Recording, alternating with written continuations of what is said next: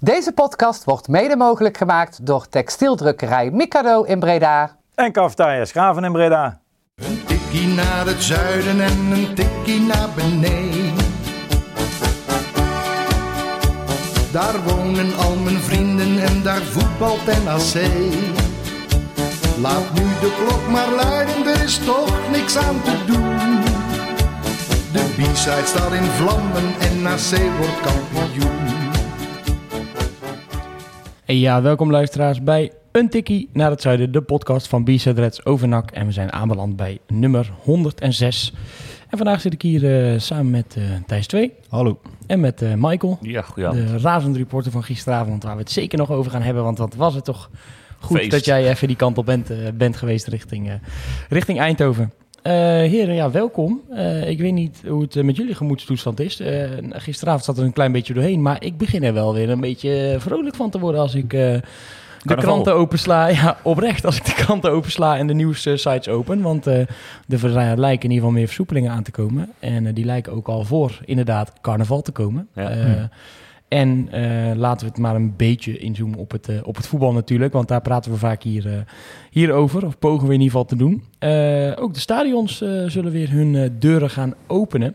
Afgelopen week hebben we er al heel even van, eh, van kunnen proeven hè, tegen, tegen Rode JC. En een aantal mensen natuurlijk ook eh, gisteren die eh, dapper richting Eindhoven zijn gereden... om daar ja, naar de afslachting te kijken, om het zo maar eh, te zeggen.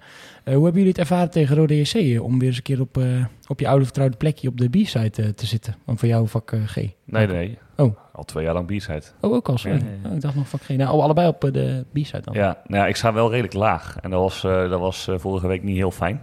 Want het begon eh, nou, nou, in de eerste minuut echt teringhard eh, te hagelen. Dus het was best wel koud. Je mag gewoon weg, je mag gewoon naar boven lopen. Ja, dat weet ik. Maar ja, dan ben je ook weer zo'n watje. Dus het is gewoon een kwestie van capuchon opzetten en blijven staan. Stug blijven staan. Ehm, nou ja, op zich, wel, op zich wel genoten dat ik weer in het stadion mocht zijn. Maar ik, ik heb eigenlijk niet zo genoten van de wedstrijd. Eh, ik hoorde daarna best wel wat positieve terugblikken eigenlijk over de wedstrijd. Ja, ik vond het eigenlijk niet zo heel... Nou, ik moet eerlijk zeggen dat ik eh, de wedstrijd nog even zeg maar, eh, deels terug heb gekeken hoor. Omdat ik gewoon lekker inderdaad met mijn vrienden... Ik vond het allerbelangrijkste ik weer met mijn vrienden en Ja. een biertje op de tribune zat. En eh, ik denk dat ook voor veel mensen dat eh, ook de reden was om, eh, om te gaan. Heb jij eh, wel genoten van, eh, van het er weer zijn? Het er gewoon eh, ja, in, in, in het oude vertrouwde dat rad vooral. Dat vooral, want eh, ja, de wedstrijd was niet super best, maar wel uiteindelijk best wel spannend. Dus dat was wel gewoon eh, in die zin leuk. Maar of ik nou een goede wedstrijd heb gezien, niet per se. Maar ik vond het wel weer gewoon leuk. Ja, puur de gezelligheid op de bierside dan. Plus ja, de, de spanning was wel aanwezig, dat wel, vond ik. Alleen het was niet per se ja, de beste wedstrijd. Ja, voor ik. je de spanning? Ik vond het ook echt wel eh, voor een eerste wedstrijd met 6000 man. eh, ik, ik had geen verwachtingen bij en ik snap het helemaal. Ik vond, ik vond het redelijk tam. eh, maar ook, ook niet heel veel spanning juist. Want Roda kwam om 2-1 voor. En eh, ja, het was een beetje gelatenheid. Van ja, fuck. eh, we, ja, we zitten eigenlijk naar te kijken. En, die, en Velana schiet in de laatste minuut de bal eh, binnen. Dus dan een gelijk maken. Maar als ik dat vergelijk, natuurlijk, dat is dan een overwinning. Maar bijvoorbeeld Bilate, Helmond Sport, ja, er zijn heel veel Ja, van die laatste minuut doelpunten gemaakt. De euforie na zo'n goal normaal gesproken is al wat groter dan, dan het afgelopen weekend was. Bilate Helmond was toch zonder publiek? Ja, dat stond het publiek. Was dat zonder publiek? Maar dan hadden ze zo'n... Kenny van der Weg was ook die keer tegen Helmond. Ja, dat was op de Ja. laatste minuut. Nee, dat Ja. was dat hij richting, eh, richting de camera liep toen. Dat hij zo, Ja. dat hij zo ineens de, de hulk werd. Eh, en nu komen die versoepelingen als het goed is eh, eraan. Hè. Het moet allemaal nog officieel worden. Ja. Eh, maar dat betekent dus hopelijk eh, stadions weer vol. Maar ja, op welke manier? Dat is natuurlijk nog even de vraag. Eh, gaat het 1G worden? Eh, gaan ze dat niet doen? Eh, wordt het alleen voor binnenlocaties? Dat weten we gewoon Ja. niet. En ja, daar hebben wij ook vrij weinig over te zeggen. We kunnen onze mening ook geven. Maar ja, dan gaat het beleid niet Ja. eh, op aangepast worden. En ook Nee. over uitsupports was er nog niet veel eh, bekend. Nee, Dus- uitsport is inderdaad ook niet bekend, wat natuurlijk eigenlijk debiel is. Want eh, eh, zeker als je naar grotere clubs krijgt en je zegt, ja, reisbewegingen dit, reisbewegingen dat. Net als gisteren in Eindhoven komen natuurlijk mensen uit, uit, uit Heine en Verre. Zeker bij Ajax-clubs, dat ze komen Ja, ook uit Heine en Verre. Feyenoord. Feyenoord. Ja, dus de reisbewegingen allemaal hoela. Zeker als je dan een deel van de supporters of zo toe zou laten, als dat nou je argument is. Alleen de vraag rijst wel een beetje. Eh, gaat het stadion ook daadwerkelijk weer vol stromen op het moment dat, de dat de poorten open gaan? Want ja, je leest ook heel veel mensen zeggen: ja, ik, ik ga niet zolang er een corona-toegangsbewijs is of zolang ik moet laten testen. Eh, je ziet natuurlijk ook aan de verkoop deze dagen rondom de wedstrijd eh, tegen Roda, Den Bosch. eh proberen ze nu nog de laatste kaarten Ja. voor te slijten. Maar is dat ook juist niet omdat er nu van die restricties zijn? Dat mensen denken, van, ja, weet je, met 6000 man hoeft het voor mij ook niet. Nou, dat is, ja, dat is de vraag eigenlijk. Ja, maar het- ligt, ligt daar het aan? Is het het spel? Is het 1G-beleid of een coronatoegangsbewijs pas? Het, het was ook maar 14, 15.000 man hè, toen het eh, stadion wel vol mocht zitten. Ja. Dus het liep echt al wel... eh, al Nou, laten we, laten we uitgaan van die, van die 15, of zeg maar 14,5 of zo. Denken jullie dat die er eh, zitten, de eerste wedstrijd, dat het, eh, dat het weer mag? Ja, misschien de eerste wedstrijd. Maar om het weer mee te maken vol stadion. eh, dat was natuurlijk wel Ja. tegen, help me even, met die, met die vuurwerkactie. Ja, dat was Excelsior. Eh, ja. volgens mij wel. Ja. Dat was natuurlijk wel super, eh, dat was super mooi om mee te maken. En eh, daar, daar was de sfeer echt, was, was echt top. Eh, dus ik kan me wel voorstellen dat je de eerste wedstrijd misschien wel even mee wil pikken. Maar zeker Ja. als het resultaat van NAC en de eh, resultaten van NAC de komende weken... je staat eh, tiende, elfde, twaalfde, eerste divisie... dat er ook echt heel veel mensen eh, de brei aangeven en het zoiets hebben van... nou, de kroeg die heb ik ook wel gemist, laat ik daar maar lekker gaan zitten. Het lijkt erop dat, nou en zeker als je dan kijkt dat de eerste wedstrijd mogelijk gaat worden zonder publiek. Er wordt gesproken over 25 februari, wat de maatregelen eraf zouden gaan. Dat is vrijdag.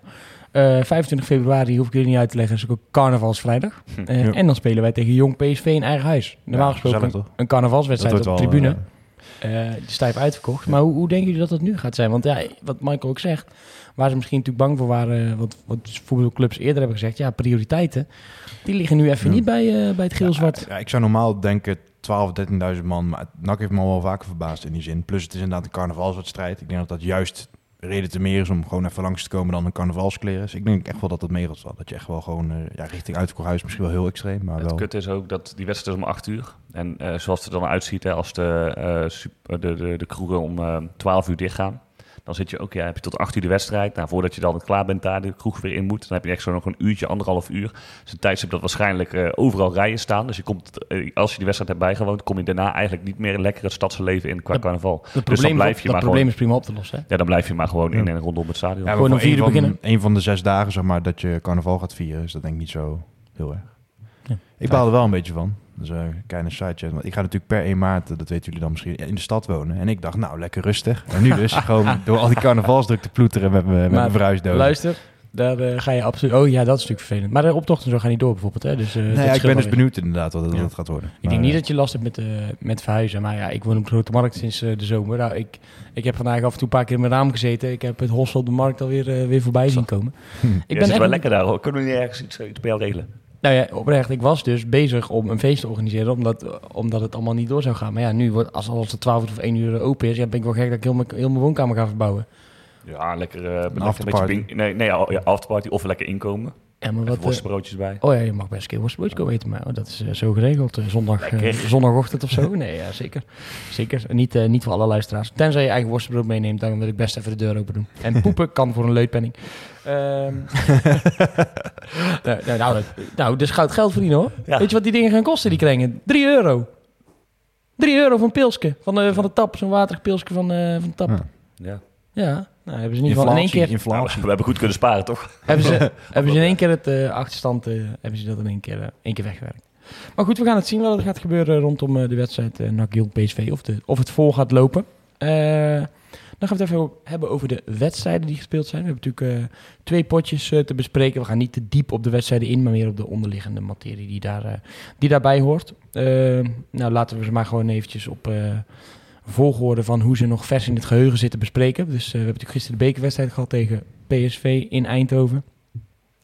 Ja, dat was wel even een kansloze bedoeling, hè? Dat zagen Ja. we toch wel even de nummer 2 van de Eredivisie... die de nummer 11 van de KKD een eh, lesje Ja. voetbal gaf.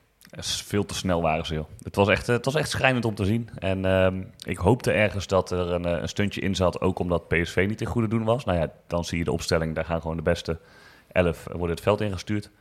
En dan weet je dat het zwaar wordt, ehm, tegenhouden wordt. Alleen wat ik verwacht is dan een soort van Atletico Madrid-stijl. Dus ga goed verdedigen met z'n allen, ga de tegenstander irriteren, ga schoppen, ga vertragen, fake blessures, noem het maar op. Dan duik je de statistieken in en dan eh, is het eh, tegen Roda bijvoorbeeld, de week de, de- het weekend ervoor. eh, twee gele kaarten pakken ze, 17 overtredingen maakt NAC. Nou, dus redelijk gemiddeld. Dat is prima, ja. Tenminste, Dan speel je tegen PSV, waar je eh, ja, vol, vol moet verdedigen, en er hard in moet. En dan eindig je op acht overtredingen en heeft alleen Agogiel een gele kaart gepakt. Omdat hij te laat was. Het is toch, ik, ik, echt daar gaat het bij mij, dan, Ja. dan heb ik zoiets van, ja jongens, wat staan we dan in vredesnaam op dat veld te is ook de doen? instelling natuurlijk geweest. Als je begint met eh, op die wingposities met De Roy en Verlanas. En dan wel vier verdedigers achter, waarvan ook eentje dan Cargo is. En dan... Ja, je gaat ook niet, het was ook niet echt een parkeerde bus. eh, Nee, zeker Het was echt Het geen was echt vechtvoetbal. Het was echt een beetje proberen tegen PSV Ja. te voetballen. Dat is, dat is natuurlijk het domste wat je kan doen. Ja, en als, als we even, heel even op die wedstrijd inzoomen, want, want eh, die opstelling, hoe je begint. Eh, nou, we kunnen eigenlijk wel concluderen dat, dat eh, Michael Maria en Jetro Massart, die zijn gewoon volledig afgeschreven uit Ja. 20 graaf. Want als je ze niet, eh hij heeft Massart natuurlijk nog geprobeerd in dat eh, systeem bij Roda, dus die 3-5-2. Maar Mazat als een van de drie centrale, Nee, dat, dat- dat had ik van tevoren kunnen vertellen. ja, dat, dat werkt maar niet. als, als Bakker was, ook geblesseerd natuurlijk, dus dat is nooit Ja, natuurlijk. Maar Ja. kijk, Of- Mazart of Maria dan, ik vind ze allebei niet heel goed. Zeg maar, als linksback in een vijfmans verdediging zou wel moeten kunnen, denk ik. Alleen inderdaad als centrum iemand, dat niet. En nu zeker Mazart tegen Madueke, dan is dat natuurlijk ook niet slim. Nee. Dat was leuk geweest, ja. Al was het Caro, ja, Caro het is natuurlijk ook bij no means een linksback. Ja, maar je speelt dus inderdaad, je gaat uiteindelijk zet je Chagro daar, eh, daar neer. Eh, maar dat, dat heeft best wel wat gevolgen voor de rest van je opstelling. Ja, dat Want eh, vervolgens zien we dat Ralf Seuntjes eigenlijk op een soort veredelde zespositie staat. Nou ja, daar is natuurlijk... Kan je hem nog beter in de spits zetten waar hij al ongelukkig was, toch? Want wat we daar hebben gezien, ja, dat is gewoon... Dit is best wel zielig voor hem eigenlijk. Ja. En, en, en zeker hoe, als je kijkt hoe hij het dan ook nog invult. Ja, ik, ik, ik kan hem niet echt daar de schuld van geven, denk ik. Want het is... Ja, hij werkt tering hard. Alleen ik heb wel het gevoel dat hij in, in, in zijn snelheid echt enorm veel heeft ingeleverd. En dan zie je in zo'n wedstrijd tegen PSV komt het Is dat of lijkt dat? Want hij staat tegen Madueke. Nee, maar het zijn heel veel situaties. Echt in, in de vijfde minuut of zo. Toen had hij de bal. eh, en toen dacht ik van oeh, dit is wel heel traag. Oké, je hebt er moeite mee. Toen, volgens mij was dat het, het, het chipballetje van Madueke binnendoor van, op Gutsen. Zeg maar de eerste dikke kans na 10 minuten die Gutsen overschoot. Dan, toen nam Madueke de bal aan, of hij viel er een beetje zo half ertussen en hij gleed weg. En, eh en Seuntje stond er eigenlijk met zijn neus bovenop. Maar die was gewoon niet in staat Ja, om die kwam op zijn voorvoetjes om snel te reageren, om eh, uit te stappen op die bal. Ja. Die, die was ook nog aan het draaien of iets dergelijks. Madueke is wel, Madueke is wel echt wel bizar goed. Hè? Ja, maar die bal die lag er echt tussen. Die- Het was Ja, echt, ik- een- ik- het ik- was ik echt een weet- vrije ik- ik bal. kan het moment- ik, kan het moment wel herinneren. Alleen wat je vaak natuurlijk in zo'n situatie zit, is, is- ziet, is eh, hetzelfde als je tegen, eh, tegen een goede robber staat, weet je wel, of dat soort dingen. En je bent zelf natuurlijk gewoon, ja, je bent gewoon kwalitatief een mindere Mhm. voetballer. Ja, je wordt door zo iemand gewoon helemaal in de luren gelegd. En ik, ik snap wel wat je bedoelt, maar hij stond er net wat van af. Waarschijnlijk denkt hij, als ik nu uitstap, ben ik hem helemaal kwijt. Want dan eh, is het tikkie-taki en dan eh, is hij Ja, voorbij. dat, en dan, dan, goed, dat is was dat moment. Maar is hij het heeft ook heel vaak dat hij, eh, dat viel bij, bij Seuntjes ook op, eh, dat hij, eh, kijk, zo'n wedstrijd, zeker, continu zat de druk op. Hè? Dus eigenlijk als je een bal als speler aangespeeld krijgt, moet je dan al weten wat je met de bal gaat doen. Zodat je maximaal twee keer raakt. Eén keer aannemen, één keer spelen of eigenlijk in één keer doorspelen. Bij Seuntjes was het bijna stelselmatig dat hij iedere bal kreeg en dat hij dan om zich heen ging kijken. Ging hij links omdraaien, rechts omdraaien. Hij is een keer echt naast de 16 ongeveer, is hij met, met wat pirouetjes de ja, bal acht, acht keer kwijtgeraakt. draaien. Maar Postbode eh, voetbal. Het, ja, maar, maar heel eerlijk, ik bedoel, als ik, als ik van gisteren de, de mensen noemen die ik echt heel erg van tegenvallen, dan noem ik, noem ik Chagro, die, maar die wordt op een positie gezet waar hij helemaal eh, nog nooit, zeg maar, wat ik weet, in ieder geval gespeeld heeft. Zeker niet bij NAC. Dan noem ik Akugil, dat is gewoon een hele jonge jongen. Eh, ja. maar die, wordt, die, die maakt domme overtredingen, die speelde, verspeelde de bal een paar keer dom.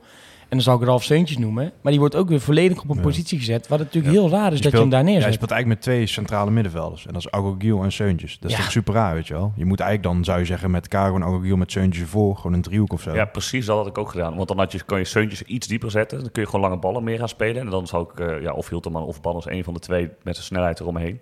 Eh en dat, dus het is echt 4-5-1. En dan op het middenveld centraal een blok zetten. Dat helemaal dichtbouwen. Ja. Dat PSV niks anders kan doen dan, over, eh, dan via de backs. Eh, Ja. En dan hoef je ze eigenlijk maar aan één kant eh, een beetje onder druk Ja. te zetten. En dan op een van de flankposities misschien gewoon nog een back extra in plaats van een vleugelaanvaller. Dus dan toch een Mazart of bijvoorbeeld een Lijon eh, aan een van die Ah, kanten. Rutte, kon, Rutte kon denk ik niet beginnen. Ja goed, die, die ja, maar maakt dan kun je geen bijvoorbeeld weer een indruk. van Sierenveld en dan Lijon doorschuiven. Want nu stond je eigenlijk weer met zo'n een back van 1,75 op de centrale positie. Maar is het dan, eh, waar we naar hebben zitten kijken, eh, ja, tactisch, onver, onver- of tactisch minder van de Graaf, onvermogen wil ik niet gelijk noemen, maar tactisch minder van de Graaf, hoe die dit heeft neergezet? Of is het ook gewoon, ja, als je Bakker mist en, en, en Marijns en Sierenveld Ja. durf je nog niet in zo'n wedstrijd neer te zetten? Eh, heb je gewoon de kwaliteit niet om daar nu iets tegen PSV van te maken? Moeten we dat even loszien en moeten we voortborduren op, de, op het systeem en de wedstrijd eh, zoals we hem gezien hebben tegen Roda in je achterhoofd houden dat Danny Bakker daar terugkeert? Nee, de, ene, ene kant van het verhaal is de opstelling, maar het is ook de, de, de uitvoering. Dus je kunt ook met, ook met het elftal wat NAC eh, gisteren had, eh, hadden ze op een andere manier, denk ik, eh, het PSV veel lastiger kunnen maken. En dan had je wel echt een stuk verdediger moeten gaan spelen. Alleen, ja, het zat hem ook niet mee met de spelers die hij beschikbaar had en de posities die hij moest vullen, laat ik het Ja. zo zeggen. Nee, Danny Bakker lijkt in zo'n systeem toch wel een belangrijke schakel te zijn. Hè? Als je, met drie, als je met drie achterop zou spelen. Ja, nou ja, dat, eh, dat, ik, eh, als je me, ik, ik, een zijstapje, maar ik vind het eigenlijk best wel eh, eh, paniekvoetbal of een korte termijn strategie om ineens nu met drie spelers eh, centraal achterin te gaan spelen als je naar de selectie kijkt. Je hebt redelijk eh, begin van januari Colin Rustler eh, eh, zien vertrekken. Dus je hebt nu drie spelers voor die drie plekken. We weten eigenlijk allemaal dat het Adileu, Malone, Bakker moet gaan worden de rest van het seizoen. Dan heb je Marijnissen en Sierenveld zou je hebben. Ja, maar goed, daar, die heb je heel het jaar nog niet, nog niet gebruikt. Dus die zitten er in principe ook niet. Ja, die zitten op de bank Nee. om, om, om te vullen. Maar zou op KKD-niveau wel mee kunnen, denk ik. Als Ja, maar- Zeker bij de nummer 11. Ja, maar je gaat, als, je daar, als je de play-offs, je wil de top 5 aanvallen. Hè, dat was eh de Ja, doelstelling. oké. Ja, wat, Vergeet het. nee, maar dat is wat Graaf zelf heeft gezegd. Ja, maar Dan ga daar je, hebben ze in de winterstop natuurlijk wel achter- afscheid van genomen. Nee, dit heeft hij in de winststop gezegd. Ja, oké, maar die bent nu, eh, zeg maar, je hebt toen daarna nog die mini-break gehad. Toen, hebben ze van, toen zijn ze van systeem gewisseld. Toen heb je Ja, dat klopt. Potjes Ja. verloren Maar goed, in de winststop zeg je wel met elkaar van... oké, we willen de top 5 aanvallen. Dan eh, verlies je wat potjes, gooit het systeem om. Je hebt op dit moment eigenlijk drie volwaardige centrale verdedigers in je selectie. En je gaat 3-5-2 spelen. Is Bakker, eh, om wat voor reden dan ook, niet erbij... moet je eh Mashart centraal achterin zetten. Dan denk ik, ja, dan vind ik het wel echt van weinig visie getuigen... ehm, om het systeem om te gooien... terwijl je eigenlijk maar drie centrale verdedigers hebt. We gaan zien wat dat in ieder geval gaat, gaat brengen. Dan kan je nog zeggen over gisteren in ieder geval... Ja, tweede helft weet je dan schade nog te beperken. Eh, ik, heb zijn adres niet, maar daar hoef je natuurlijk maar één iemand een bosje bloemen voor te sturen. Want in principe geef je ook wel best wel, wel wat kansen weg. Maar Ja. er stond gewoon een eh Bredaanse muur eh, in de goal, hè. Want Ja. ja, ja goed, eh, we kunnen wel enorm veel veer in zijn reet gaan steken. Hij weet het zelf, iedereen weet het. En iedereen heeft het ook gezien. Volgens mij heeft hij eh, eh, gemiddeld vijf punten hoger bij de man of the match eh, dan de rest van het team. Want ja, Nick Olij was natuurlijk by far eh, eh, de beste man van het veld. Dat was best, best van het veld. Maar ook, ook Ja, van het van. PSV als Ja. erbij genomen, ja. En dat lijkt me zo dubbel. Veel als, PSV'ers die ook zeiden van, eh, nou, haal die maar naar, eh, naar Eindhoven toe. Ja, lijkt Weet me zo dubbel. is? Eh, op een gegeven moment, de Doan, hè, die werd, werd diep gestuurd, maar dat was, ja, het werd teruggefloten voor buitenspel. Overigens was hij dat niet, dus als hij had gescoord, dan had hij geteld. Die komt op uh, Olij af. En, ik, eh, en je weet eigenlijk gewoon, die gaat hij pakken. Je weet gewoon, dat wordt geen doelpunt. Eén op één, Ja. eh, dan heeft hij ze eigenlijk altijd. Maar tegen Rodijk ook al, hè? Drie, vier momenten dat hij In echt... de eerste Ja. minuut, alle Ja. ja. na 50 seconden. En die bal van, eh van Moois natuurlijk, die hij in de, voeten van eh Vente legt, die die ook pakt. Ja. Eh, ging over, toch? Nee, maar wat, Nee, wat, daarop, wat daarvoor kwam. Ja. Oké.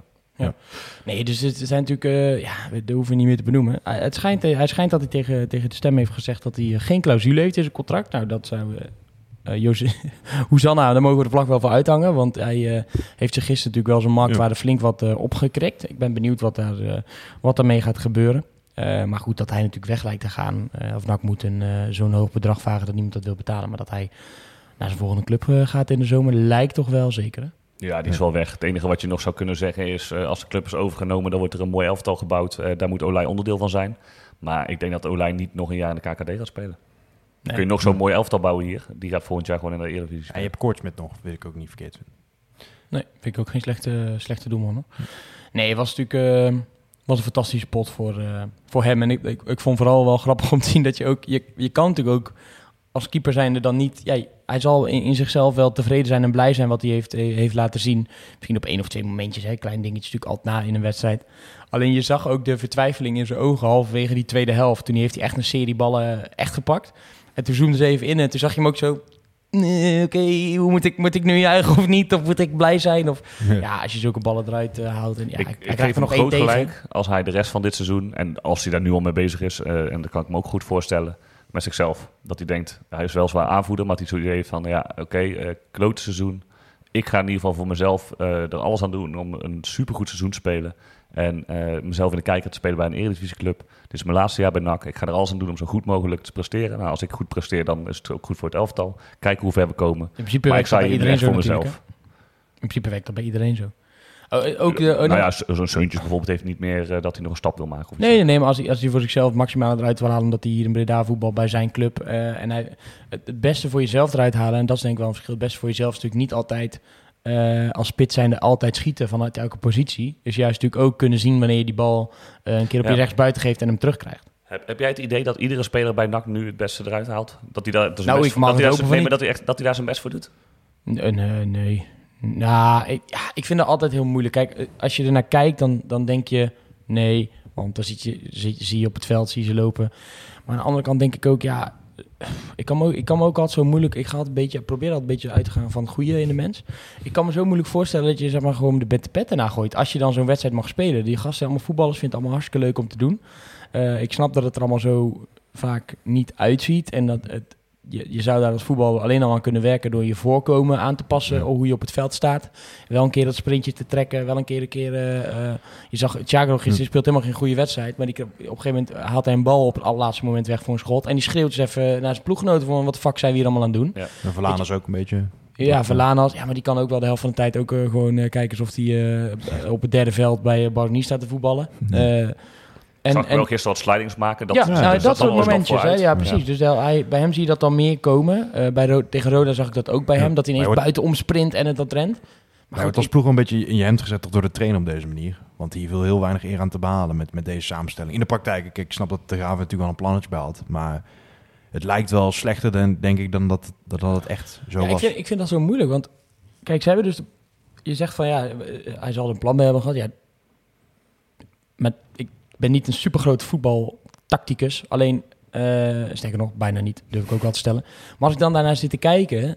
eh, en ik mag daar hier toevallig eh, soms mijn mening over geven... dan denk ik, ja, ik zie het ook echt niet. Ik zie echt niet waarom je Thiago op linksback zet. Waarom je eh, inderdaad Seuntjes dan daar laat spelen. Want dan kan hij ineens lange ballen naar voren spelen. En dat, dat doet hij altijd zo goed. Hij is echt wel goed in het, de balletjes verlengen kort. En eh, iemand kort aanspelen waardoor het, het spel verlegd kan worden. Maar ik heb hem nog nooit over 60 meter iemand diep zien sturen. Eh, daarnaast is zijn kwaliteit natuurlijk assist en doelpunten. Nou, die gaat hij daar al helemaal niet, eh, eh, niet geven. Doet hij sowieso te weinig natuurlijk dit seizoen. Dus dat, dat zie ik gewoon echt niet. Kijk, als hij uiteindelijk, als hij gisteren was begonnen, ondanks dat hij na de oefenwedstrijd tegen AZ heeft gezegd van ja, met vijf achterop is het echt alleen maar tegenhouden. Denk ik ja, als hij gisteren was begonnen met eh Lijon bijvoorbeeld op rechtsback en dan inderdaad ehm, eh, de drie man en, dan wel met eh uh, Marijnissen of eh Sierenveld daar en dan op links inderdaad eh Verlanas of wel misschien Maria of Mazart. En daarvoor een goed blok. En dan drie gasten die op snelheid het daaruit moeten gaan zoeken met elkaar. Uh, met één iemand, uh, nog een lopende man. Dan denk ik, ja, had best kunnen werken. Dan zie, dan, dan zie ik, zit ik zo'n wedstrijd en denk ik, oh ja, ik snap in ieder geval wat je bedoelde. Ja. Gisteren, daarom bedoelde ik net, is, was dat dan tactische onkunde? Of was, was heel het spelers? Het was allemaal zo onlogisch wat er, ja. wat er gebeurde. En, en daarom uh, vraag ik me dus af, ja, is het dan zo slim om inderdaad tegen uh, PSV ineens weer een ander systeem te gaan spelen? Of had je gewoon even in ieder geval aan dat 3-5-2 of 5-3-2 systeem vast moeten houden? Ja, kijk, zij spelen met drie spitsen. Dus als je dan zelf met drie... Uh, wij dachten eerst bij de opstelling... Nou, vijf dus, hè? Bedoelde ja, ik dan, hè? maar als je met drie... Wij dachten toen de opstelling zagen... Want ja, het was best wel onduidelijk wie dan die vierde verdediger zou moeten zijn. Van, ja, het is echt, dat is echt suicide als je nu met drie man achterop gaat staan tegen drie van hun. Uh, dus ik kan me wel voorstellen dat je zegt van... Ik doe vier op een rij tegen drie van hun. Alleen bijvoorbeeld... Uh, je hebt, je hebt, Lijon is al geen meesterlijke verdediger, dat weet Nee. je. Want het is al, dat is al een back. En uh, die, die denkt Nee, ja, goed, je moet iemand. Je moet het Nee, dat een is gegeven ook- moment dat is ook. neerzetten. Maar, uh, en, en dan zet je een linksback die dan nooit heeft gespeeld, zet je, of, uh, of een middenvelder die linksback staat. Dus dan heb, kies je eigenlijk sec nog voor drie verdedigers, alleen zijn het vier poppetjes. En dan kan je toch beter, zou ik zeggen, dat zou iedereen denk ik begrijpen als je daar Marijnissen of, of Sierenveld neerzet. En dan de zekerheid inbouwen of- met, met Maria of Marchard of, of Lijon op die vleugels. Ja, had, had, of dat dan uh, Thiago centraal gezet, want dat, uh, daar heeft hij bij Telstar ook best wel vaak gespeeld. Nou, Volgens mij precies. kan hij dat prima. een van die en dan, mensen, en dan ja. een linksback erbij. En dan zou ik sowieso Seuntjes als een van de twee aanvallers zetten, omdat hij in ieder geval daar als kapstok uh, zou kunnen staan. Ja. Echt, ik had echt gewoon heel dat, het centrum helemaal dichtgebouwd. En Had ja, je in ieder geval waarschijnlijk, hè, ik- nooit En- zekerheid, maar iets langer voorgehouden dan ja, gisteren. en minimaal 30 overtredingen en 7 gele kaarten. Ja. In plaats van 8 uh, overtredingen. Is helaas, eh, helaas niet gebeurd. Heel kort uitstapje nog. Eh Bannis, die eh, werd natuurlijk kwaad omdat hij eh, gewisseld werd. Nou, de Edwin Graaf schijnt hem even in zijn nek te hebben gepakt na afloop. Eh, moeten we daar nog iets van vinden? Op eh, Twitter zag ik eh, al per keer, die had even een uh, poll uitgegooid. eh, wat we daar allemaal moesten, moesten van vinden. Ja. Eh, ik zag een reactie van Chris WM onder andere voorbij komen. Die zei, joh, ja, eh, is toch al opgelost. eh, jonge gast, eh, ja, is niet goed. Eh, maar ja, normaal eh, speelt hij wedstrijd op, op het, eh, op het sportcomplex bij Telstar. En dan staan er geen camera's op nu wel. Moet je natuurlijk wel weten als prof. Wat, wat vonden jullie van, van het voorval daar? Ik vond er niet heel veel van. Dus Ik las het meer van ja, je wordt gewoon best wel afgedroogd en hij baalt daarvan, weet je wel. Hij is toch wel een mannetje die best wel gedreven is, ook al is het een huurspeler. En ja, ik weet, was, was het überhaupt de wissel? Ik, ik dat er niet eens se uit. Hij was gewoon echt aan het balen, weet je wel. En natuurlijk, zijn lichaamstaal was daar niet per se goed, maar ik kan dat ook wel waarderen. Want eh, als iemand eh, daar gewoon een beetje zo met zijn schouder ophalen eh, van het veld afloopt, dan is het ook... eh, ja, dan denk je ook weer van, ja, waarom is je niet verdrietig of boos nu? Ja. Dus ja, ik, ik vond er niet zoveel van wat dat betreft. Ja, ik heb het niet gezien. Eh, als, het wel, als het zo is gebeurd met een bepaald beeld, dan zou ik zeggen, joh, spreek iemand erop aan dat het niet handig is voor de publieke opinie en klaar. Ja, volgens mij is dat ook gebeurd en is dat, is dat gedaan. Eh, nog, moeten we Hielteman nog feliciteren met schot in de eerste helft? Want eh, dat was natuurlijk wel ook... ik zag bij ESPN voorbij komen. Nou goed, hij probeert het. Hij krijgt die bal voor zijn voeten. Maar, Ik, snap dat, ik snapte wel dat hij het probeerde, hoor, want hij kreeg plots en dan... eh, Ja, dan de, maar zo'n bal eindigt of de lat of op het netje normaal. En nu zie je hem gewoon zo bij de cornervlag zo nog net eh, uit de achter. Dat was ook heel lang het enige schot wat eh NAC gelost Ja, had. ja, ja, ja, tot eh, de 70 minuten zo Ja. toen een soort verlengde corner nog op goal eh, ging. Ja, dat was natuurlijk vrij treurig. Je hoort het al eh, een beetje. Het wordt natuurlijk steeds lastiger om, eh, om positief te blijven eigenlijk als, eh, als NAC-supporter. Zelf heb ik daar niet vaak heel veel moeite mee, maar ik, ik vind het met de week wel lastiger worden. Ehm, vooral ook omdat het gewoon, ja, je ziet zo weinig houvast natuurlijk op dit moment. Naar het stadion gaan helpt daar bij mij persoonlijk wel veel in, moet ik zeggen. Omdat je dan natuurlijk gewoon ook weer positieve ervaringen hebt. Een leuke avond als je niet eh, eh, 6-0 verliest van, van Roda of zo. Wordt dat dan de redding voor de club? Dat die, dat die deuren weer open gaan? Of, of... Ja, het meest stereotype antwoord en ook denk ik wat ik nodig heb is, een overwinning met twee of drie op een rij. Dat je in een flow komt eh, die positief is. Dat je een serie wegzet waarbij je denkt, oké, eh, prima. We, zijn weer iets aan het opbouwen. Eh, er zijn wat patronen zichtbaar. Bijvoorbeeld de spitsen die lekker aan het scoren geraken. Dat je denkt, nou ja, er is in ieder geval iets waar ik maar kan vasthouden voor die play-offs. Als dat het niet is, eh, dan is het gewoon een verloren seizoen. En dan zit je, ja, hoeveel wedstrijden is het nog? 12, 13? Ja, ga je gewoon lekker naar voetbal kijken, maar meer niet. Ik denk dat de betrokkenheid wordt wel weer groter. En dat is wat, wat ik bij mezelf ook al merk. Als je niet in het, in het stadion zit, of je zit zeg maar als stadion als, als van de pers en het is leeg, dan, dan voelt het gewoon niet echt als een voetbalseizoen of zo. En dan, ja, dan heb je er ook minder impact op. En ik denk wel, kijk, als je ook al verlies je in het stadion, je bent er wel bij, weet je wel, dan ben je er toch wat meer mee bezig. En eh, dus dat van de publiekkant kan het seizoen wel meer vorm geven. Ik vraag me wel af of het eh, ja, qua, qua team nog heel veel impact gaat hebben. Want wat je wel merkt ook tegen Roda, volgens mij als punt, zeg maar, wat ik, wat ik ook al kon volgen. Het was toch wel een beetje gelaatheid of zo, ook op sommige momenten. En wat, wat, wat vooral voor mij typerend was, en dat is, dat natuurlijk gewoon de momentopname, maar dan, ja, dan mag je eindelijk weer naar het stadion, zit je op tribune, heel die wedstrijd, tweede helft, eh, beginnen erin, dan goede corner, bal gaat erin. Nou, Paul, iedereen blij, juichen, gezelligheid. Je hebt nog net eh, de, Zo. de bierdruppels van je schouder afgeveegd, omdat het bieren door de lucht slingeren, en hij ligt er alweer in. Nou, ik stond toen echt op de tribune dacht ik, jezus, wat is dit nou? nou toen Ja. ik even snel pissen. Toen eh, stond ik te pissen, toen hoorde ik, oh nee hè. Ja, ook nog dat, eh 1-2 achter. Ja, dan denk ik, waar zit ik nou weer naar te kijken? Joh? Wat, wat, eh, wat doe je hier, weet je wel? En dan gelukkig wordt het nog 2-2 door zo'n actie. Maar het wordt toch gewoon met de week, ja, eh, treurig. Want als je- als je kijkt, we staan nu op 11e. 11 op de ranglijst. Bovenaan in het rechte rijtje. Vroeger waren we, daar, eh, waren we daar blij mee. Of soms zelfs teleurgesteld. Omdat dat betekent dat we in de Eredivisie speelden. En ons net niet zouden plaatsen voor de play-offs. Eh, maar de harde cijfers zijn dat we op dit moment drie punten achter eh, VVV staan. Die hebben nog wel een wedstrijd meer gespeeld dan wij. Dus stel dat we die inhaalwedstrijd, volgens mij staat Jong AZ, stel dat we die winnen maandag 21 februari.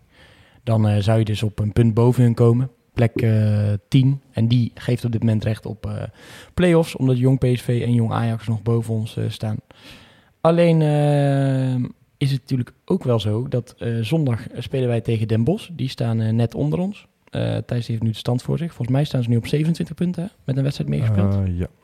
en daar, daaronder eh, twee plekken of een plek staat weer 26 Telstar. punten, sorry. Oh, 26 punten. En Zet ook op een losing streak van, eh, van vijf wedstrijden. Dus dat is... eh, Thanks. Nu eh, is al mijn hoop in mijn schoenen gezakt om, ja, dat zal wel Den Bosch om een resultaten te boeken. En eh, Telstar die staan? eh, ja, 13, dus daar weer één plekje boven. Dus we spelen tegen de 13, 14, 15 eigenlijk de komende weken. Eh, die allemaal ja, drie punten, vier of vijf minder hebben dan ons. Het zijn dus echt eigenlijk knijterbelangrijke wedstrijden. Hè? Dat, dat, ik had niet verdacht dat ik het ooit zou, zou zeggen. Maar, eh, want als je deze wint, dan vinden zij weer een beetje aansluiting met ons. En dan gaan ze misschien ook geloven om, om te strijden om de laatste playoff ticket. Ja. Jezus, dat is wel even een Dat pijnlijke is wel constatering. realiteit. Het is wel echt de realiteit. Want als, eh, eh, als je kijkt naar de, naar de nummer 9 en nummer 8, die staan volgens mij echt uit, Ja, kijk, far je- out of reach. Je hebt, je hebt Roda en Excelsior staan eh, ja, respectieve 12 en 13 punten voor ons. Eh waar met name Excelsior, die draaien natuurlijk echt bovenin mee. Die hebben dan één keer gelijk gespeeld, vier keer verloren de laatste vijf wedstrijden. Eh, die staan ja nog, nog in- met die vorm zelfs 13 punten voor op ons. Nou zou je mogen hopen misschien dat die nog verder gaan kelderen. Maar ja, echt, echt aanspraak maken op, eh, zeg maar de, de plekken dat je een, een ronde mag overslaan, dat, dat lijkt eigenlijk al niet meer. Dan zit je, moet je echt 16 punten inhalen. Je gaat strijden om het laatste play laatste Maar al die, al die ploegen zijn ook gewoon beter, joh. Ik heb, eh, ik weet niet of jullie het toevallig ook gezien hebben, een beetje zo half schuin. Eh, Roda Volendam. Eh, nee, volgens mij niet. Eh, dat, was een, dat vond ik best een leuke wedstrijd, best aardig niveau. eh, ondanks dat het de klotenveld was. Roda was, eh, was beter dan Volendam. Eh, ik denk dat het een wedstrijd is die, eh, die misschien wel van een beter niveau is dan onderkant Eredivisie. Twee ploegen die best wel lekker aan het voetballen waren, kansen creëren. Ja, die zijn gewoon echt stukken, stukken beter dan NAC. Dus waar je nu staat, dat is ook echt gewoon de plek waar je, waar je misschien zelfs wel maximaal op dit moment hoort te staan. Trieste, trieste constatering. Vandaar inderdaad, ja, hoe blijf je nou, hoe blijf je nou positief in, eh, in deze? Wat daar eh, mogelijk bij zou kunnen helpen is eh, eindelijk wat witte rook uit de overnamehoek. Maar daar lijkt het toch ook nog even niet op te hoeven. Want zover wij begrepen en zo, zover wij hoorden bij de, bij de andere media... zou de status van de overname zijn dat op dit moment bij Stichting NOAD ligt. Dus de plannen van Vrolijk. Die zouden op dit moment doorgelicht worden door, door de heren van, van Stichting NOAD. Eh, het duurt natuurlijk wel al eh, een tijdje. Eh, brokkelt jullie vertrouwen over die deal een beetje af inmiddels? Of denken jullie houden ze nu gewoon alles Dus het stil? laatste loketje toch binnen, binnen NAC. Nee, RVC nog volgens mij. Komt daarna dat nog? Ja, volgens mij wel. Of loopt dat gelijktijdig? Ik ga eens even kijken voor je. Nou, eh, brokkelt het vertrouwen af? Nee. Weet je, je weet dat dit een lang, langlopend traject altijd is. Waarvan je ook altijd wil dat het veel sneller is afgerond dan, dan, dan dat het daadwerkelijk is. Ehm, dus ik heb ook zoiets van, ja, laat, laten we daar maar de tijd ervoor nemen en het goed, eh, goed doen. Goed stappen doorlopen, mensen de tijd geven. Het enige is dat je wel eh, wil dat de boel op tijd op de rit is voor volgend seizoen. Eh, dat houdt eigenlijk denk ik in dat je op zo'n laatst Ehm, laten we zeggen week drie, week vier van april echt alle sleutelposities bezet moet hebben. Maar ik heb ergens wel het gevoel, maar ik weet niet of dat klopt, dat eigenlijk de inrichting van de organisatie eh, ja, één keer met je vingers knippen en dadelijk is geregeld als de overname rond is. Ja. Volgens mij is het zo dat, eh, dat die eerst bij, eh, bij NOAD wordt gelegd. eh, en daarna richting, de, richting de FVC. Want eh, de Stichting NOAD kan nog binnen zes weken een vervanger aandragen. Een vervangend plan. Vervangende Ja, als overname. afkeuren. Als hem afkeuren, ja. ja. Een, een, eh, andere overnamekandidaat. En als zij natuurlijk een andere aandienen, dan moet dat weer goedgekeurd worden door de Raad van Commissarissen en de uh, aandeelhouders. Ja, wat je wel merkt dat er nu natuurlijk heel veel nadruk ligt in, het, in dit aankoopproces. Dus ja, wat zijn nou eigenlijk je plannen met NAC, weet je wel? En het wordt een beetje afgewogen natuurlijk. Dus ik denk als eenmaal groen licht is, dat die plannen er al wel liggen. Dat het gewoon een kwestie is van snel uitvoeren. Dus in die zin geef ik je wel gelijk. Maar ik denk dat als het eenmaal rond is, dat het wel uh, in een stroomversnelling komt. Alleen ja, het duurt wel langer dan gedacht. Want je bent natuurlijk wel een beetje valse hoop gekregen door het feit dat er door een aantal mensen uitspraken werden gedaan van... Uh, ja, voor, wat was het, 1 januari of zo? Of 1 februari, zoiets? Voor ja, de, voor de winterstop uh, einde zou het dan rond zijn. Ja. En daar, daar, daardoor kreeg je wel hoop van, oh, het zou misschien wel wat sneller kunnen gebeuren. Ja, en daarna zijn natuurlijk nog uh, genoeg dingen gebeurd, uh, waardoor je dacht dat het iets, uh, iets sneller, sneller rond zou zijn. Dat hebben we inmiddels vaak genoeg benoemd, geloof ik, hoe dat allemaal gelopen is. Ehm, maar ja, ondertussen sluimt het ook nog op, de, op, op, aan de achterkant het verhaal van, van eh, de Amerikanen die eventueel nog toch interesse zouden hebben. En ja, vrolijk daar heb je uiteindelijk ook niks meer van gehoord. Uh, misschien omdat er een aantal dingen mis zijn gelopen. Dat ze denken, nou, we houden het inderdaad wel gewoon, uh, gewoon stil totdat het uh, echt helemaal rond is. Uh, maar echt lekker is dat natuurlijk niet. En, en een goed gevoel bij, bij de supporters geeft dat natuurlijk ook niet. Want hoe blij we waren dat het eigenlijk eraan zat te komen. En dat we eindelijk weer iets hadden om, om naar uit te kijken en, en te bespreken en plannen door te nemen. Ja, hoe, hoe lastig dat nu weer lijkt te worden uh, omdat het zo lang stil blijft. En dan heb je dus en uh, een slecht spel. Dan uh, zijn mensen boos omdat ze wel of niet naar het stadion mogen. Dan hoor je niks over die overname. Dan is elk tweetje wat NAC plaatst natuurlijk wordt dan in een kwaad daglicht geplaatst. Dan zit je echt in een soort negatieve spiraal. Ja, het ja. probleem is alleen dat de communicatie over die overname, dat NAC daar zelf ook niks aan kan doen. Uh, die, uh, de, de, de nee, mensen nee, bij binnen de club. Ik ben nu gewoon, ik bedoel ja, want, meer gewoon dat alles nu gewoon negatief is. Dat ja, maar de, wat je zou, wat je heel graag zou willen, en ik denk ook de mensen bij NAC, is er juist nu duidelijkheid over geven. Of in ieder geval aangeven van, hé, hey, we staan nu hier, dit zijn nog de vervolgstappen, uh, ongeacht welke partij. Je zou dat nog kunnen zeggen van, wij, wij melden wel iets, maar we zeggen niet over welke partij het gaat. Dat iedereen het dan invult, weet je, dat is, dat is voor ieders eigen rekening. Um, maar die club zou ook wel heel graag willen communiceren. Want dat zorgt er natuurlijk voor dat, dat, dat, dat het negatieve uh, uh, plaats gaat maken voor meer positief sentiment. Ja. Alleen ja, de mensen bij NAC uh, die weten misschien nog wel minder dan wij. Ja, zeker omdat natuurlijk de alle, eh, alle communicatie en dergelijke en overnamepolitieken liggen natuurlijk ook bij eh, bureau Crossminds, volgens mij, die, Ja. die zich daarmee bemoeide. En eh, ze hebben natuurlijk ook iemand anders, in ieder geval de koper had natuurlijk iemand anders gevraagd om de communicatie Ja, de rondom eh ko- ko- koop en ko- verkoop. Ja, koper die doet het zelf en de RVC wil niet communiceren. Dus dan ben je als Ja. club gauw klaar. Maar het is natuurlijk, eh, ja, het zou, het zou in ieder geval sterk zijn als je nu gewoon zelf zou zeggen van, hé hey jongens, inderdaad de volgende fase aangebroken, het ligt bij Stichting NOAD. Toch ook wel behoorlijk druk hè, op die gast eigenlijk, als je in zo'n in zo'n commissie zit als, als Stichting NOAD zijnde. Dan ga je nu wel een beslissing nemen die veel invloed gaat hebben op, op de toekomst van de club. Ergens misschien ook wel weer goed dan dat die eh, Amerikaanse partij nog op het vinkertouw zit. Eh, dat je in ieder geval nog een, eh, een backup eh, scenario hebt, voor, mocht het om wat voor reden dan ook toch niet meer doorgaan. Nou, en ik vind gewoon voornamelijk bij, bij allebei, hè, of je het nou natuurlijk over Verzolijk hebt of over de Amerikanen, of dat er toch nog een andere eh, ehm, Jan Pipo de Clown, zoals eh Zelkovic ooit een keer zei, komt. Ehm, ik, ik, ik wil gewoon plannen horen. Ik wil geen stippen op de horizon. Ik wil weten wat je wil gaan doen, hoe je dat wil gaan doen, met wie je dat wil gaan doen, wanneer je dat wil gaan doen, wat een reali- realistisch tijdsbeeld is. Ik vind het hartstikke leuk als je ooit een stadion wil bouwen of als je ooit een keer eh, wil dat ehm eh, Nemanja Goudelje nog terugkomt of dat, dat er een grote naam als trainer, Alfred Schreuder, dat hij dan gehaald wordt als trainer, want die heeft toch ook bij ons gevoetbald of Arne Slot moet onze man worden. Weet je, dat soort beloftes, daar heb ik helemaal geen behoefte aan. Ik wil gewoon realistische plannen horen. Ik wil dat iemand desnoods zegt, jongens, de komende drie tot vijf jaar gaan we proberen om deze club vanaf onderuit eh, in, de, in de stijgers te zetten en het op te bouwen. En hoe we dat willen gaan doen. Hier hebben we elk jaar een pot van eh, 750.000 euro Ja. extra, bijvoorbeeld om te investeren en dat te doen. En, en niet, niet het, het, het, eh, het, ja, het, ge- het getouwtrek om, ik wil een stadion bouwen, Ja. ik wil heel veel geld erin pompen Ja, nu, ik wil eh, mascottes op het veld. Ik, eh, Een beetje sport is een, een worstverhaal wordt altijd een beetje gedaan. Hè? Dus ze zeggen van ja, over tien jaar wil ik, dat is voor man een beetje flauw voorbeeld misschien, maar willen we dit en dit en dit en dit. Goeie brief. En, maar ja, dat is inderdaad al wel vaker gebeurd. Maar je krijgt nooit echt door wat de plannen zijn of hoe we dat willen bereiken. En dat is, is misschien wel wat minder leuk om als sport te lezen. Van oh, we willen nu dit en dit gericht gaan doen. Dat is misschien een beetje wat saai. Klinkt misschien wat minder stoer. Maar dat is wel wat transparanter natuurlijk dan eh, gewoon wat, eh, wat doelen schetsen. Plus het kan ook minder hard terugslaan in je gezicht, weet je wel. Als je duidelijk zegt van dit gaan we de komende jaren doen. Dan hebben we dit geld voor met deze mensen, wat jij zegt eh, Thijs. En het gaat fout, ja, dan kun je daar achteraf niet meer zoveel over zeggen. En nu wordt je ja, op het spectrum waar je gewoon zeg, hebt gezegd van ja, we, we spelen voor wat was het, twee jaar in de Eredivisie. Dus eind van dit seizoen. Ja, dan, dat komt dan gewoon terug eh, in je gezicht eigenlijk. Weet je wel. Ik, ik zou ook hopen dat ze gewoon een paar dingen zeggen. Van eh, dit is wat we willen, zo willen we het gaan doen. Maar ehm, eh, op dit moment willen we juist gewoon vooral heel veel laten zien. En gas gaan geven. En eh, eh, niet te veel grootspraak aan de voorkant, zeg maar. Nee, inderdaad, het is geen, geen onrealistische doelen natuurlijk. Eh, maar je wilt natuurlijk wel, ik, ik, ben, ik heb wel heel veel behoefte om, om te horen hoe iemand iets wil gaan doen. En of dat dan is van, eh, ja, dit en dit willen wij zelf doen. Of, eh, joh, ik heb die club gekocht omdat ik van die club hou. En ik het eh, belangrijk vind dat, dat NAC weer groeit, groot wordt. Maar hier heb je Jantje en Pietje. En Jantje gaat over voetbal. En Pietje gaat over, over de dingen op kantoor en het zakelijke en weet ik het wat. Bij vragen, bij hun zijn. Ik heb alleen maar geld geïnvesteerd in deze club. En ik, ik heb er een belang bij. want ik hou van deze club. Vind ik ook goed. Maar dan wil ik weer van die, die mensen die daar worden neergezet horen of zien met hun beslissingen.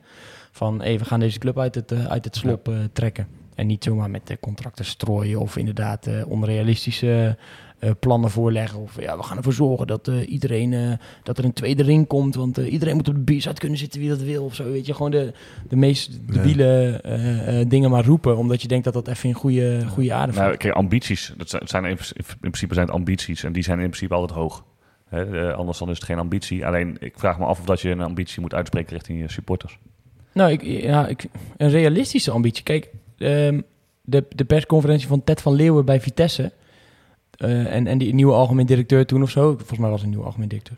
Dat hij eh, dat die daar zitten. Dames en heren, niet schrikken. Maar Vitesse gaat meedoen om de landstitel. Ja, Dat, als, als, als iemand, of het nou de Amerikanen zijn of Karel Vrolijk of inderdaad iemand anders. Als iemand dat zegt, dan denk ik, weet je, zoek het even lekker uit. Ja. Daar Maar gaat goed, dan kan het ambitie zijn, we gaan meedoen voor de titel, maar communiceer dan. We gaan stapje voor stapje proberen hoger te komen op de ranglijst.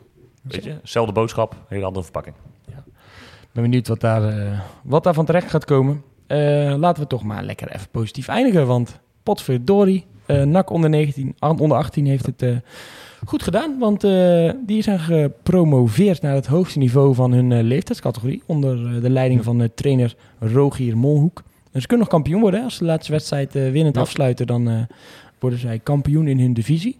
Eh, je hebt hem vandaag even gesproken, Thijs, Rogier. Je hebt hem even gebeld en natuurlijk uitgebreid eh, gefeliciteerd namens ons. Hoe, eh, hoe was dat gesprek? Wat viel je op aan, aan zijn, ja, zijn voorkomen en wat hij wat zei over zijn team en zijn ploeg? En wat hij wel vaker doet, is eigenlijk best wel snel de af- afleiding zoeken. Dus niet over hemzelf praten, maar vooral, ja, ik ben gewoon afhankelijk van materiaal. Maar het is wel een interessant verhaal, want ja, voor de mensen het is natuurlijk heel veel afgelast geweest. Ook door corona, wat, wat wij ook allemaal hebben meegemaakt met ons eigen voetbal. Ehm, en er is dus eigenlijk besloten om dat allemaal in te gaan halen, nog voordat het nieuwe seizoen begon. Dus we spelen nu deze week eh, drie wedstrijden. Dus vorige week zaterdag, komende zaterdag en dan gisteren. Ehm, en eh, wat nou het grappige is, dat hij echt maar een handjevol spelers eigenlijk tot zijn beschikking heeft gehad. Omdat eh, continu positief test, weer een week niet meetrainen, et cetera, et cetera. Dus ik vroeg aan hem van ja, wel lekker dat je bijvoorbeeld McAwee eh weer even mocht gebruiken. En toen zeiden van ja, dat was niet per se lekker, want dat was echt gewoon pure noodzaak. Want ik dacht op voorhand van oh, die laten ze meedoen om even die promotie veilig te stellen. Precies belangrijk voor de toekomst van de jeugd of Precies. zo, dat ze op Ja, het hoogste niveau gaan spelen. Huh? Dat schreef jij ook, toch? Nee, ik zei, nou, ik zei meer van, ik schreef het niet zo letterlijk, maar wel van, oh, hij kon wel erover beschikken. Ah, ja. dat kwam wel goed uit. Maar inderdaad, dat vroeg ik dus voor de verduidelijking ook aan. En hij zei van, ja, nou, was inderdaad niet verkeerd, hoor, want die McQueen kun je er prima bij natuurlijk. Maar ik kwam ook wel gewoon uit, uit nood voor het. eh, en ja, hij was gewoon heel erg te spreken over de gehele prestatie van zijn team. Want ook de jongens die uit de onder 21 niet mee mogen doen bij de onder 21 en meedoen bij hem. Ja, zijn gewoon tot het bot gemotiveerd geweest om die promotie te pakken. En het is een supermooie competitie eh, waar ze in komen. Eh, de onder 18 eh, zit landelijk namelijk iets anders in elkaar. Je hebt een, een topcompetitie, een divisie 1 van acht ploegen. En niet twee eh, divisies van acht ploegen, dus echt eentje. Ja, dat zijn gewoon Ajax, Feyenoord, eh, PSV, AZ, Sparta. Ehm, en dan hangt het een beetje van af. Groningen? Eh, nee, Groningen staat dus tweede in, in Oh, ja, de eigen competitie. En er was ook eigenlijk topfavoriet om te promoveren. Want Groningen is een van de weinige clubs uit divisie 2A... die ook echt actief spelers weghaalt bij andere clubs. Deed Tika, Tika de Jong Ja. bijvoorbeeld, die eh, is dan nu, we zitten weer één categorie hoger, maar die hebben ze dus van Ah. NAC opgepikt. Ja. En die staan nu op drie punten achterstand, dus Groningen zou ook nog kampioen eh, kunnen worden. Maar omdat de nummer drie ADO acht punten achter staat, hebben ze wel promotie al veiliggesteld. En ja, super bescheiden was Molhoek wel, want hij, hij, hij schuift echt af op zijn team, dat het echt wel eh, ja, hun verdienst is. En ja, wel mooi dat NAC weer tussen dit rijtje staat. Hij was wel een beetje eh, ja, hand op de knip. Hij zei van ja, of we er iets te zoeken hebben, dat moeten we wel nog gaan eh, bewijzen. Ja, want dat zie je natuurlijk wel. Maar wel ongeslagen, hè? Acht, acht keer gewonnen, vier keer gelijk. Knap. Dus dat is wel eh, heel knap natuurlijk. Dat klopt natuurlijk. Je moet natuurlijk wel kijken wat je daar, wat je daar bereikt. Mensen zeiden ook, hey, klopt het nu dat alle teams op het, op het hoogste Nee. niveau gaan voetballen? Volgens mij is er eentje nog sowieso niet. De onder 14 is bijvoorbeeld, onder 15 die spelen zelfs in de derde divisie. Ah. Die staan daar wel in weer stijf Ja, bovenaan. Maar de andere teams, want ik heb ook even zitten kijken. Ehm, de overigens, Alphense Boys, die eh, hebben blijkbaar een eh supergoeie, Ja, supergoeie jeugdopleiding, want die zijn gewoon de hoogste divisies. Maar eh, NAC in verschillende leeftijdsklassen staan ze al bij Sparta, Feyenoord, Ajax, PSV. ja, de 15 en de 16 die staan ook wel echt best wel hard onderaan. Die zijn echt aan het strijden met Alphense Boys om uit die plekken te komen. Maar bij de hoogste divisies. ja, bij, bij de Ja. divisie 1A is dat vaak. En eh, er is eigenlijk één team, dat is die kneppen doen voor mij, de onder 14 uit mijn hoofd. Die spelen dus in de derde divisie. Ja, maar dus structureel bij, bij iedere leeftijdscategorie. eh, in de competities met Ajax, PSV, eh, Ja. Feyenoord, Sparta, wat natuurlijk vanuit het, het verleden zeker een goede le- jeugdopleiding heeft, staat NAC bij. Ja. Niet bij één leeftijdscategorie, maar bij, bij al die Ja, leeftijdscategorieën. Maar dat is wel de, een... de kanttekening daarbij natuurlijk dat ze inderdaad op sommige teams eh, wel bij de onderste Ja. plekken zijn. Ja, maar maar, het is goed, je staat, Nee, weet je, eh, dus de, de Utrechts, eh Heerenveens, et cetera, Als je, daar, als, je, als je bij de beste acht of beste, nou ja, Ja. laten we dan zeggen beste twaalf, omdat je dan soms promoveert, soms degradeert, met je jeugdelftellen mee kan doen, dan doe je natuurlijk niet, eh, niet slecht. Als Ja. je kijkt wat daar nu aan, aan geld eh, ligt en aan... eh, Ik denk dat je dat niet slecht, ik denk, Ja. denk dat het gewoon echt hartstikke goed is. ja, dus dat zou mooi zijn als ze die lijn door weten te trekken. Eh, En ook gasten uit, uit de regio Rotterdam kiezen steeds vaker voor NAC, weet je wel. Bijvoorbeeld ook bij Molk in het team staat zo'n eh Filip Grabovac, heet hij. Die kwam ook uit die streek en die stond dan best wel wat, wat interesse van andere teams. Maar bij NAC heb je natuurlijk ook wel wat concretere ja, potentie om door te stromen. Dat is bij Is, andere. is er nu een soort van nieuwe, nieuwe eh, fase eigenlijk ingegaan met de jeugdopleiding, denk je? Eh, eh, de spelers die er zaten, eh, die nooit zijn doorgebroken. Eh, we kennen ze Daan Klompen, Bodie Brusselers, eh, Snapvangers. eh, Ja. De jongens in de huidige selectie, Alla van Akker, of tenminste tot vorige week huidige Mhm. selectie. Ja. De jongens die er nu bij gaan komen, is dat wel, wel even andere koek? De- ja, wat, wat Rijk is gebeurd, zo moet je het eigenlijk zien. Ze hebben heel veel ploegen ertussenuit gehaald. Dus er is bijvoorbeeld ook dit jaar ook geen onder 17. Wat dat betekent is dat er dus eigenlijk de helft minder spelers bij NAC spelen. Maar die zitten wel allemaal onder 18. Ook de ploeg van Molhoek is in verhouding eigenlijk super jong. met de, waar ze allemaal tegen voetballen.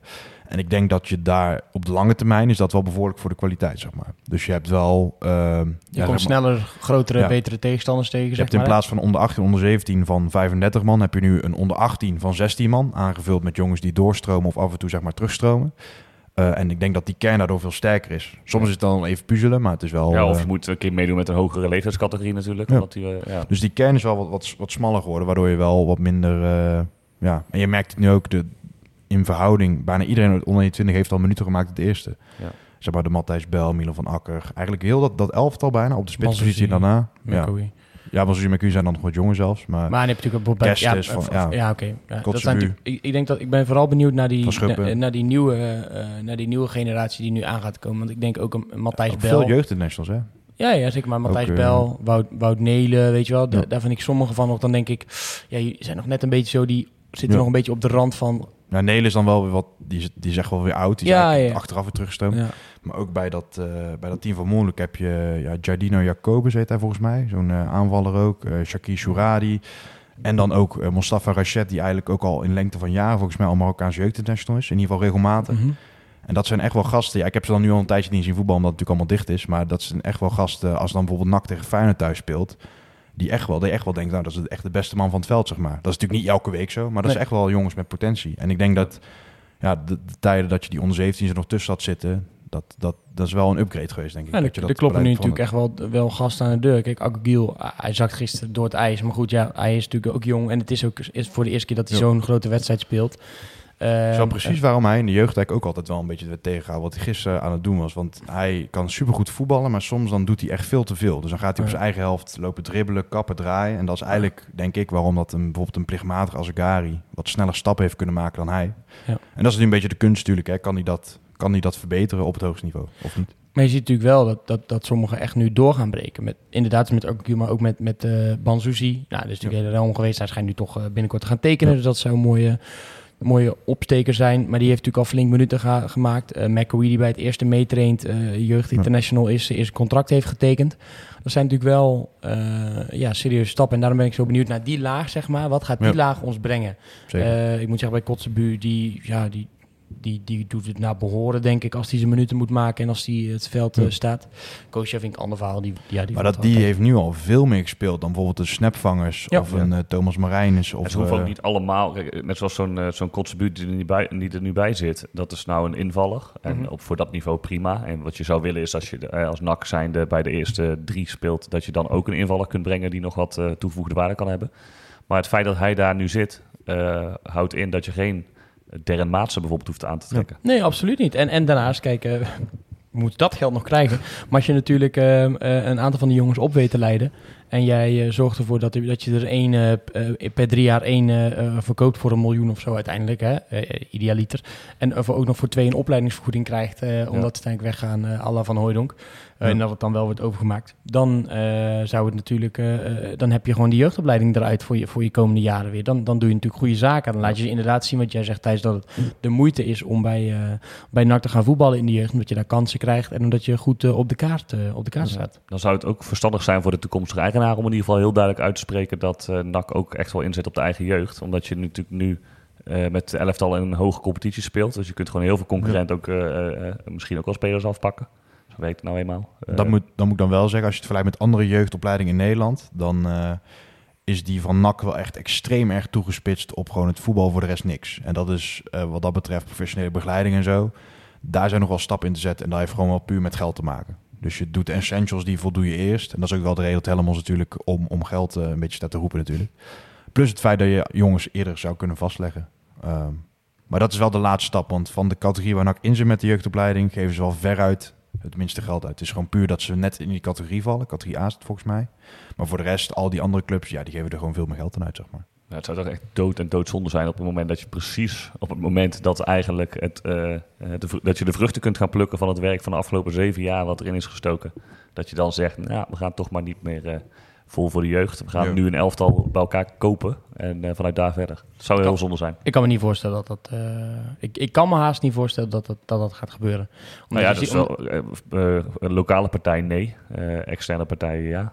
Nou, als ik de Walen moet geloven, zoals, zoals Jadran dus, ze optekent. Ehm, eh, dan is hij wel van plan om daar echt iets, eh, echt iets mee, te gaan, mee te gaan doen om die binding te houden met de club, zeg maar. En, en, en Lokhoff zou volledig verbonden zijn aan die partij. Nou, ik kan me niet voorstellen dat Ton Lokhoff zeg maar, zich ergens aan gaat verbinden als, ze als ze vervolgens gaan zeggen... eh, eh, wij gaan alleen maar random spelers halen eh, eh, om, om geld te verdienen. Daar, daar kan ik me gewoon niet zo goed voorstellen, omdat, omdat Nee. Lokhoff ook weet wat, eh, wat, dat, eh, wat dat gaat betekenen eh, voor, eh, voor de club en voor de, voor de binding met, eh, met de club. Eh, ja, gaan wij eh, toch nog eventjes kort vooruitkijken naar, eh, naar de wedstrijd van, eh, van zondag. Gaan jullie er eigenlijk naartoe, NAC Den Bosch? Eh, ja, het 50-50 nog. Of ik voetbal zelf, of ik eh, zit op de pers. Ik moet werken. Dus ik moet even kijken of ik iets kan regelen. Ja, ik, eh, ik heb geen kaartje, dus... eh, Anders mag je mijn kaartje wel. Nou, ik eh, heb geen kaartje omdat ik ook eh, zelf mag voetballen. Oh, want eh, god, de competities weer afvat. En eh, eerlijk is eerlijk, daar heb ik toch ook wel heel veel zin in. Eh, mensen kunnen niet zien, maar ik zit hier al in mijn voetbaloutfit. Want ik ga hier la- linea direct door Ik naar... moest de vraag nog stellen. Ja, ik was wat laat om eh, nog eh, te kunnen chit-chatten met jullie. Maar Nee, dat geeft niet. Ik ga zo meteen uh, linea direct door naar eh, de velden van JK om eh, samen met, eh, met JK7 weer... eh, dat zijn ook van die knie... eh, Ja, ja, ik sta in de goal, hè, maat. Ja, Dus eh, zo- Zo'n trainingsboek met van die verdikkingen bij de knieën. ja, ik heb zo'n echt zo'n keepers eh, trainingsboek heb ik aan. Dus eh, daar gaan we even ons eh, doel proberen schoon te houden. Kijken of het niet zo'n Het enorme... was ook wel leuk, even een side noteje. Ik, eh, zondag voor de eerste keer gevoetbald. Het was natuurlijk echt super slecht weer, hè? Heel die dag. Ja, die van ons, wij werden gewoon ouderwets afgebeld, s ochtends vroeg. Lekker, ja. Ik had toch gewild dat wij, eh, dat wij dat ook hadden. Ik ging met een ander team meedoen eh, in Empel, Empelina uit. En eh, kunstgrasveld. En we komen dat veld op en het, vooral het middenstuk al een beetje zo drassig. Het was echt zo'n hockeyveld. Ja. En eh, na een kwartier, ja, heel tijd begon het te regenen, maar na een kwartier bleef het water er gewoon op staan. Uiteindelijk was het, eh, zeg maar, het laatste kwartier voor de rust gewoon ballen die je naar elkaar toe wil spelen, die zo in de plassen bleven liggen. En eh ja, knijterharde wind, eh, ja, heel het tenue aan mezelf vastgeplakt, echt zelfs mijn bilnaad, Ja, ja. alles helemaal doorweek, doorweek, Is doorweek. het uitgespeeld? Toen is het in de rust eh, gestaakt. En hoe verstond het? 1-0 achter, eigen doelpunt door eh, onze spits. Dus die knap gedaan. Goed hoor, goede speler. Nee, eh, wat verwachten jullie van, eh, van de wedstrijd tegen Den Bosch? Wordt het, eh, ja, wordt het, wordt, wordt het net zo'n gatencasus tegen PSV? Of wordt het eh, een, een, een wedstrijd die we toch Ja. gaan winnen? Kleine min- side note, hè? jij zei het hè? Laatste vijf wedstrijden Den Bosch, allemaal verloren. Ja. Neem het even mee in je voorspelling. Ja, je zal wat minder eh, uitgebuit worden als je iets, iets fout doet, zeg maar. En dat merk ik wel bij PSV. Als je daar een keer één keer te vaak kapt, dan heb je meteen een counter van vijf man. eh, en ook nog vijf kwalitatief goede spelers natuurlijk om je oren. Bij Den Bosch zal er wel minder zijn. Alleen, ja, je kan van geen enkele wedstrijd meer uitgaan dat we die makkelijk gaan winnen. Al denk ik wel dat dit gewoon, gewoon een overwinning gaat worden. Maar dan zullen we wel gewoon op ons, op ons best moeten zijn, tussen aanhalingstekens. Daar is hij dan. De voorspellingstune. Zeg het Matthijs, Eh, met deze woorden. 1-0, 3-0 Matthijs. en dan uh, Hilteman. 2-0. Banis. De ruststand, eindstand. Eerst doe ik het Ja. Ruststand ook maar 2-0, omdat omdat ik het anders zelf fout heb gezegd. Ja. Nee, mag, je mag, je mag, je mag 2-0, nog 2-0. aanpassen. Ik ga zelf voor eh, pff, 1-0, 3-0. Hielteman. Ik hoop het. Hielteman, dat lijkt me nou wel leuk voor hem. Eh, gaan we maar een, eh, een einde eraan breien voor... eh, Eén ex-nak dingetje. Waar oh, ik ja, wel benieuwd naar Ja, was omdat voor we jullie. dat niet zag ik veel. Nou, dus- kijk, we hadden dus een dinsdag dilemma met uh, staan je zou een van de twee Oh ja. per ingang van volgend seizoen terug kunnen halen. Goodell of Garcia. Wie zouden jullie kiezen? Ik heb Manu gedaan, maar dat is gewoon omdat ik vermaakt wil worden in het stadion. Hmm, ja, ik zou denk ik gewoon om meerdere redenen om Manu kiezen. Omdat dan haal je iemand binnen. Hè, ze natuurlijk allebei, je zou allebei welkom zijn. Ik ga ze ophalen als het Ja. moet. Ja. Laat ik dat even duidelijk zeggen. Maar je haalt dan nog iemand binnen die ook nog waarde kan vertegenwoordigen. Eh, iemand die je gewoon recenter hebt zien voetballen, zeg maar. Ja, qua niveau waar ze nu al zijn, zou je natuurlijk zeggen, hou Goudelje. Want Goudelje is gewoon de nummer 12, 13 van Sevilla. Die speelt daar best wel veel. Dit seizoen ietsjes minder. Ja, Eh, viel me op, maar eh, ik was het wel even aan doorlichten, omdat, eh, omdat hij toen mogelijk naar Feyenoord ook zou gaan. Dus heb ik even gekeken wat hij, eh, hoeveel hij daar nou speelt. Hij komt ongeveer in 20 minuten van de wedstrijden, 20% van de minuten van de wedstrijd nog in actie. Ja, volgens mij vindt hij het wel prima, joh. Die, ik, denk, Ja. ik denk oprecht dat, dat we hebben het ook eh, echt wel prima is. Misschien als hij straks nog een keer eh, 35 is en eh, wil afbouwen, dat hij nog een jaartje hier als wel wat, wat hoger spelen. Maar hij zit lekker met zijn familie in Spanje. Zijn zusje, die, eh, die, die, die, tennis Ja. daar, eh, zijn broertje die voetbalt daar. Die pa en ma die zitten daar gewoon lekker, eh, lekker in het huis, lekker samen sporten allemaal. Prima joh. Als, als het ik echt een wereldvoetbal zou zijn, dan zou ik ook gewoon echt in, eh, voor Sevilla willen spelen. Mooi hoor, Gewoon die, club. die stad en de, en, de, Ja. en, de, en de cu- cultuur en het klimaat. En opvallend daar, hè. Ik- ik ga niet uitsluiten dat, eh, dat Barcelona toch nog een beetje zich weet te herpakken en nog, nog ver gaat komen. En atleten weet je ook natuurlijk nooit, maar eh, Real Madrid op één. En dan gewoon twee clubs uit, eh, uit Sevilla op, eh, Ja. op twee en Maar drie. Betis gat. en Sevilla. Want Sevilla staat wel echt, echt eh, heel dik tweede. We gaan zien wat, eh, wat dat gaat brengen. Misschien leuk als hij nog eh, kampioen gaat worden. Hè? Goodell, ja, dan kan hij naar terugkomen. Zou Dan heeft zijn, hij echt alles, eh, Ja.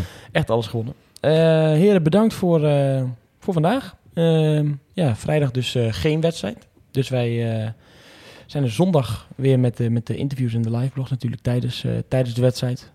Maandag, Valentijnsdag. Een hele bijzondere uitzending van de podcast natuurlijk. Valentijnsdag. Dus een show vol liefde. Kan ik alvast mededelen bij deze. Wil ik de luisteraars bedanken voor het luisteren. Jullie voor je aanwezigheid. En laten we hopen op snelle, betere tijden. Een tikkie naar het zuiden en een tikkie naar beneden. Daar wonen al mijn vrienden en daar voetbalt NAC. Laat nu de klok maar luiden, er is toch niks aan te doen. De B-side staat in vlammen en NAC wordt kampioen.